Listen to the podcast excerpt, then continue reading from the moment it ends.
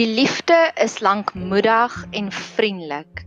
Die liefde is nie jaloers nie. Die liefde praat nie groot nie, is nie opgeblaase nie. Hierdie is 'n reeks gebedspunte wat ek graag wil bid vir God en wil uitprofeteer oor die mense vir wie ek lief is oor liefde. Dit gaan alles oor liefde. God is liefde. Ons wil meer van daardie goddelike liefde, die agape tipe van liefde sien, voel, ervaar, uitdeel vir almal rondom ons. Ek het in die afgelope week het ek nogals intens agtergekom dat daar's baie innerlike konflik. Konflik binne organisasies. Ek weet die Spar groep is nou besig met 'n groot hofsaak in die kompleks waar ons bly was daar so 'n klein bietjie konflik en ek loof die Here daarvoor. Dis 'n paar dae vandat ek daarvoor begin bid het en dit voel vir my dis rustiger nou.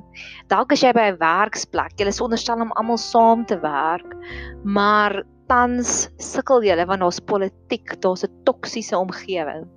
So ek wil Psalm 133 uitprofeteer en verklaar oor jou lewe, oor my lewe sodat God werklik waar die gemeenskap weer sal terugbring kyk hoe goed en hoe lieflik is dit dat broers ook saam woon. Dit is soos kosbare olie op die hoof wat afloop van die baard, die baard van Aaron wat afloop op die soem van sy klere.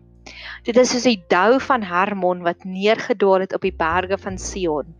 Want daar gebied die Here die seën die lewe tot in ewigheid.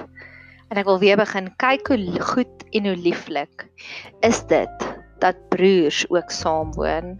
So mag God regtig vir daardie eenheid kom en kom werk stellig in al die organisasies hier in Suid-Afrika. Hierdie volgende stukkie waaroor ek wil gesels van liefde is die vermoë wat God vir ons kan gee om in iemand anders se gedagtes in te kyk ek het dit 'n paar maande van tevore het ek het vir die eerste keer ondervind. Daar was 'n klein bietjie van 'n amper konflik situasie in my lewe. Ek het besef dat iemand het doelbewus vir my 'n leuen vertel. En dit was nie 'n leuen wat goed was nie. Dit was nie 'n wit lintjie nie. Dit was dit was 'n slegte leuen. En dit het my eers hartseer gemaak en ek was eers kwaad en tog ek ag ek het nie tyd vir sulke toksiese omgewings nie. Ek het ek gebid, Here, help my asseblief. En ek het alles in Wonderland oomblik gehad waar ek besef het maar dis uit vrees wat hierdie persoon, nie vrees vir my nie, maar vrees wat hierdie persoon hierdie leuen vertel het. Hy is tans in 'n oorlog 'n uh, emosionele oorlog gekoppel en daar's 'n klomp dinge en ek het dit die Alice in Wonderland oomblik ge genoem waar ek het gekyk in sy hartjie in en ek het besef wow dit is wat aangaan. En op daai selfde dag en ek het dit eintlik geprint en in my my joernaal geplant het daar twee het, het ek op hierdie twee quotes afgekom op Instagram Die eerste een is find compassion instead mag ons elke keer dat God vir ons daardie alles in wonderland kykie kry dat ons kan eerder kompas eh, compassion kry, dat ons eerder empatie kry vir die persoon as oordeel.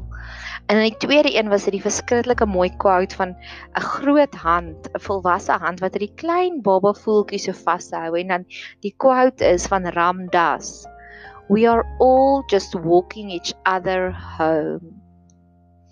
En home beteken 'n plek van emosionele gesondheid, 'n plek waar ons so gesond en genees is. En ek glo ons elkeen het hierdie verantwoordelikheid op ons net om vir elke persoon soos hier Hansie en Grietjie die die um broodkrummeltjies gelos het vir hulle om hulle tuis weer te bring. So het ons elkeen elke dag vir elke persoon wat ons ontmoet, het ons daardie geleentheid om vir hulle die broodkrummeltjies huis toe te laat loop. So mag jy ook so 'n oomblik kry van find compassion instead and we are all just walking each other home. Dink aan die mense wat jou ontstel het in die afgelope 24 uur. Dink aan die mense aan wie jy teleurgesteld was, wat jy gedink het hulle gaan iets anders doen en toe verwerp hulle jou. Dink aan die mense met wie jy geïrriteerd was wat iets gedoen het.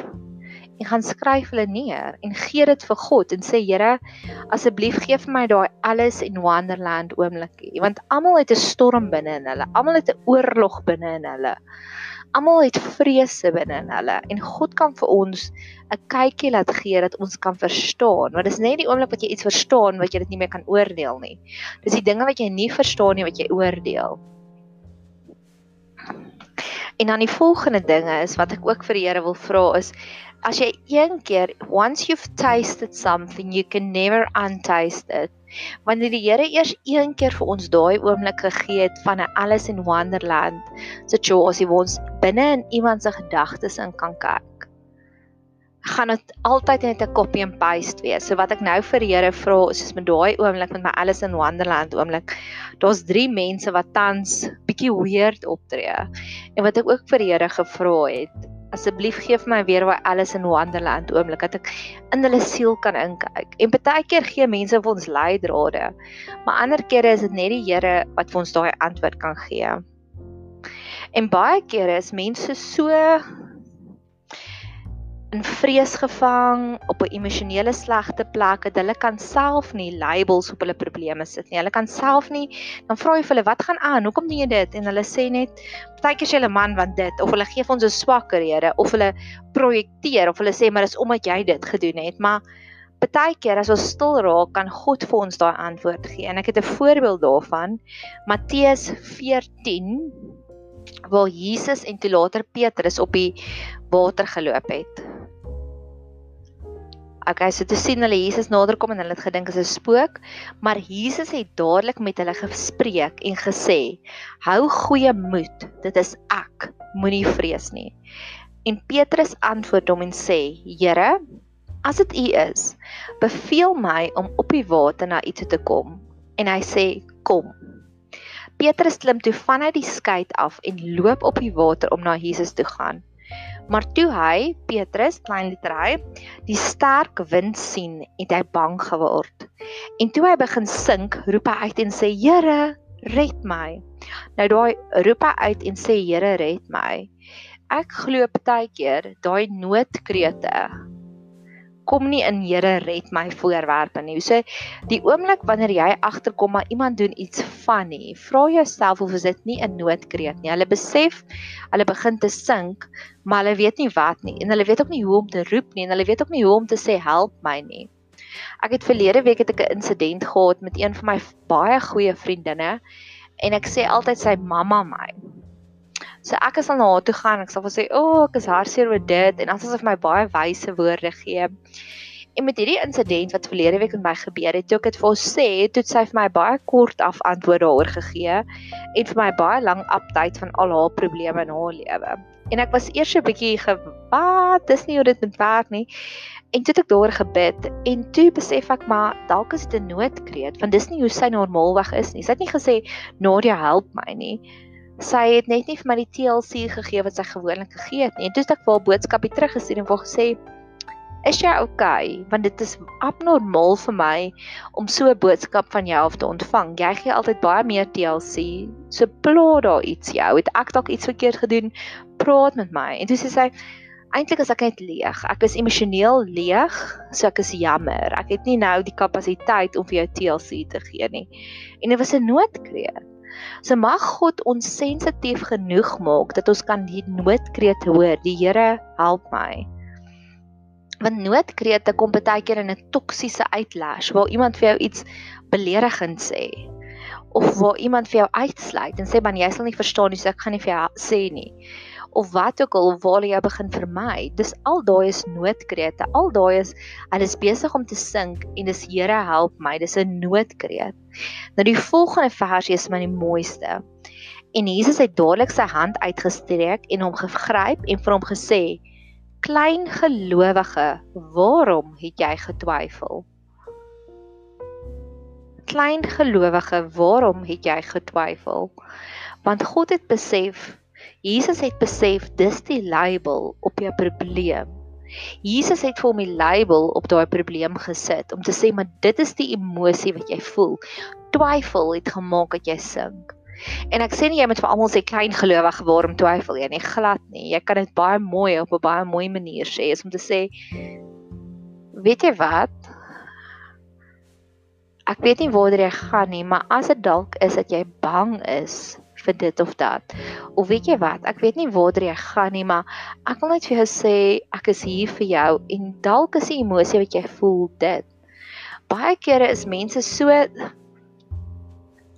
besig om te sing dat hulle kan self nie eers die emosie daarop plant nie. En dit is 'n baie sensitiewe onderwerp, so jy moet baie diskresie hê, maar selfs al sê jy dit nie eers vir hulle nie, selfs al begin jy net vir hulle te bid, maar bid vir die Here om vir jou daardie Alice in Wonderland oomblik te gee, daai oomblik wat jy kan inkyk in hulle hartjie en kan sien wat is dit wat hulle bang maak.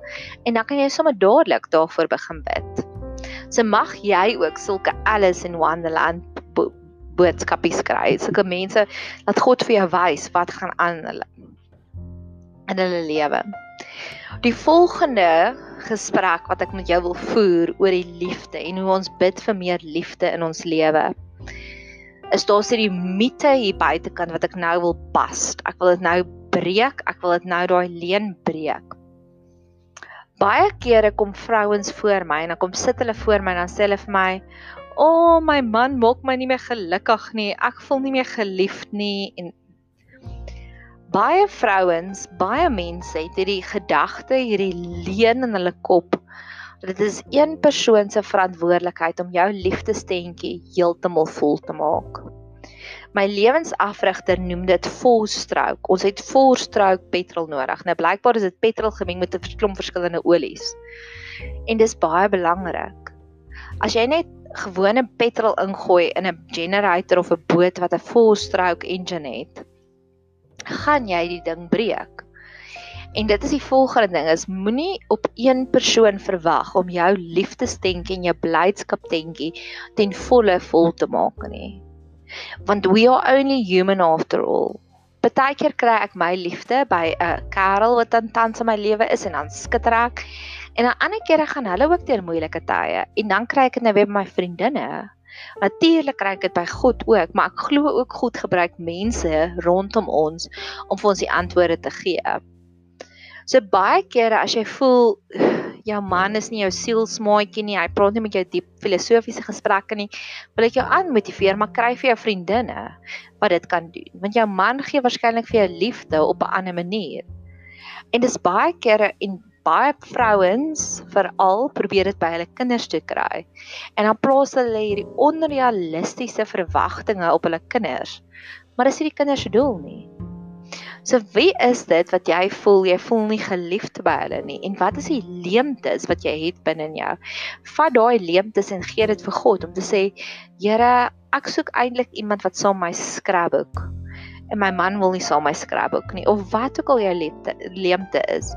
Maar dis een van die boodskappe wat ek oor en oor en oor vir vrouens sê is om te sê dit is nie jou man se verantwoordelikheid om jou liefdesting volkome vol te maak nie. Dis hoekom ons vriendinne het. Dis hoekom ons teachers het na wie se podcast ons kan luister want hulle kan iewers 'n label opsit of 'n pleister opsit op 'n eina wat ons het. Dis hoekom ons werkskollegas het. Dis hoekom ons um boeties en sissies by die kerk het. Dis hoekom ons selgroepe het. Dis hoekom ons Bybelstudie groepe het. Want alles van daai dis regtig vir dis 'n verskeidenheid van mense wat ons liefdestentjie volmaak. Ek het 'n paar weke terug die wonderlike voorreg gehad om saam met iemand na Food Chain toe te gaan. En sy het ook bietjie met my daaroor gesels en ons by die Food Chain is 'n buffet, so sy het 'n bord met verskillende kosse opgeskep. En toe sê ek vir haar, "Kyk na jou bord." Kyk hoe lyk jou bord. Daar's 'n bietjie aartappel, daar's 'n bietjie pompoen, daar's 'n bietjie hoender, daar's 'n bietjie slaai, daar's 'n bietjie spinasie. Hoekom het jy nie net jou bord vol gemaak net met 'n bak spinasie nie? Sy sê nee, maar sy wil nie, sy wil 'n verskeidenheid hê. Dus ek vir dit is hoe die lewe ook werk. Dit is hoe verhoudings ook werk. Maar daar kom tye wat ons, ek het in die vorige podcast ek gepraat oor Maslow se hiërargie. Daar kom tye wat ons liefdestentjie so vol is, ons wil net uitdeel. En dan dalk as jou man dalk op daai stadium uit nou net 'n nuwe werk gekry, so hy so uitermate bly. En dan kom daar op 'n stadium waar die nuutheid oorgaan en wat hy daai spakel verloor. En dan ewe skielik raak hy kwaad vir hom want hy gee nie meer vir die liefde wat hy vir jou van tevore gegee het nie. Of 'n vriendin wat nou net deur 'n baie goeie tyd gegaan het en dis toe jy haar ontmoet het en 3 maande later worstel sy met haar eie goed soos ek in die vorige storieetjie verduidelik het van my een vriendin wat nie vir my die ondersteuning gegee het nie, maar ek het nie vir die ander kant van die storie vertel nie.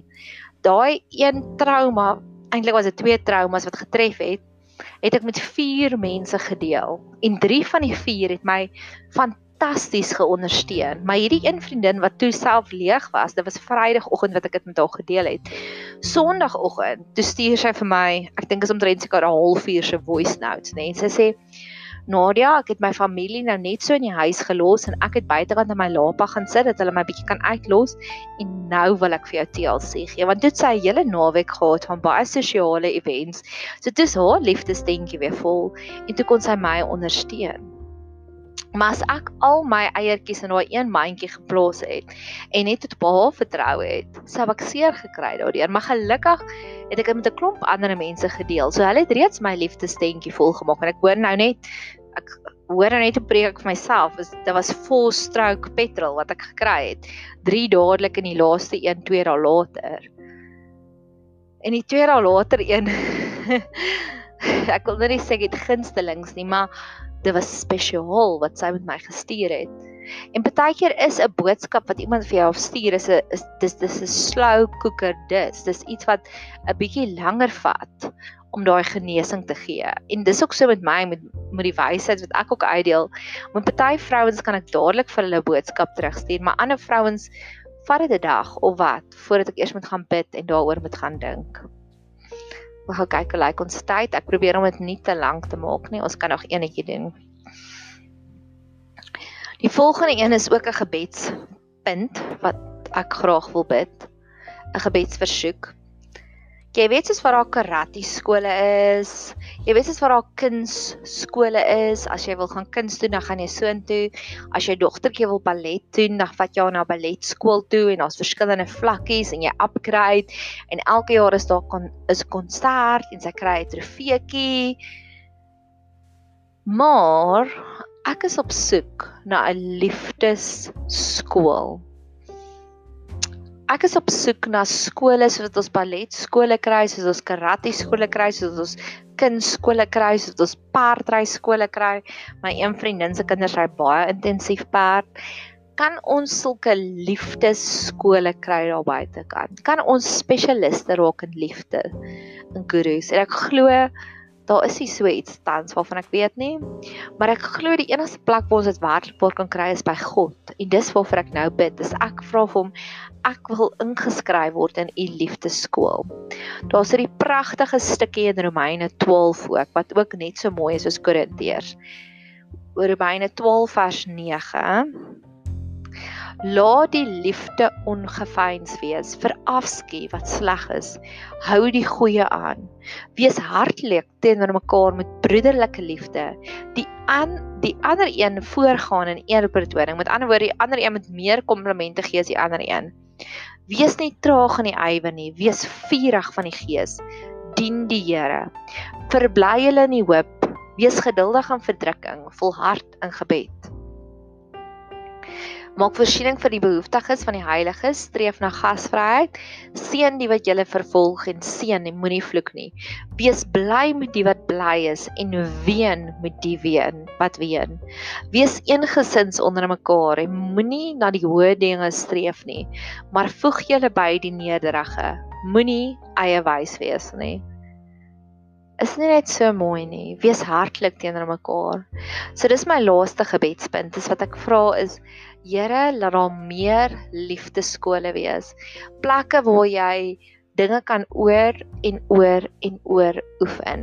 Hulle mense skryf wel so iets as muscle memory. So ek weet mense wat um selfverdedigingskursusse doen, oefen die heeltyd om dit te doen dat dit naderhand muscle memory raak. Waarvan as ons so oefen om liefde te gee dat dit later aan love muscle memory raak. Mag God ons hiermee help. So ek wil afsluit. God kan vir ons 'n plekkie gee. Ek wil net saamvat. Alice in Wonderland oomblik waar ons met die mense wat wie ons sukkel om oor die weg te kom, makliker oor die weg kan kom, wat hulle vir ons kan wys maar dit is die wortel van die probleem. Dis dalk vrees, dis dalk onsekerheid, dis dalk insecurity, maar wat ook al die wortel van die probleem is. Ek het die mite gebreek dat net een persoon met ons liefdestentjie volmaak en ek het die voorbeeld gegee van gaan na 'n buffet toe en skep vir jouself 'n bietjie van alles op en so raak jy versadig en vervul. En ek het afgesluit met die intense gebed om te sê mag daar liefdeskole daar buitekant wees. Mag jy 'n super geseënde dag hê verder.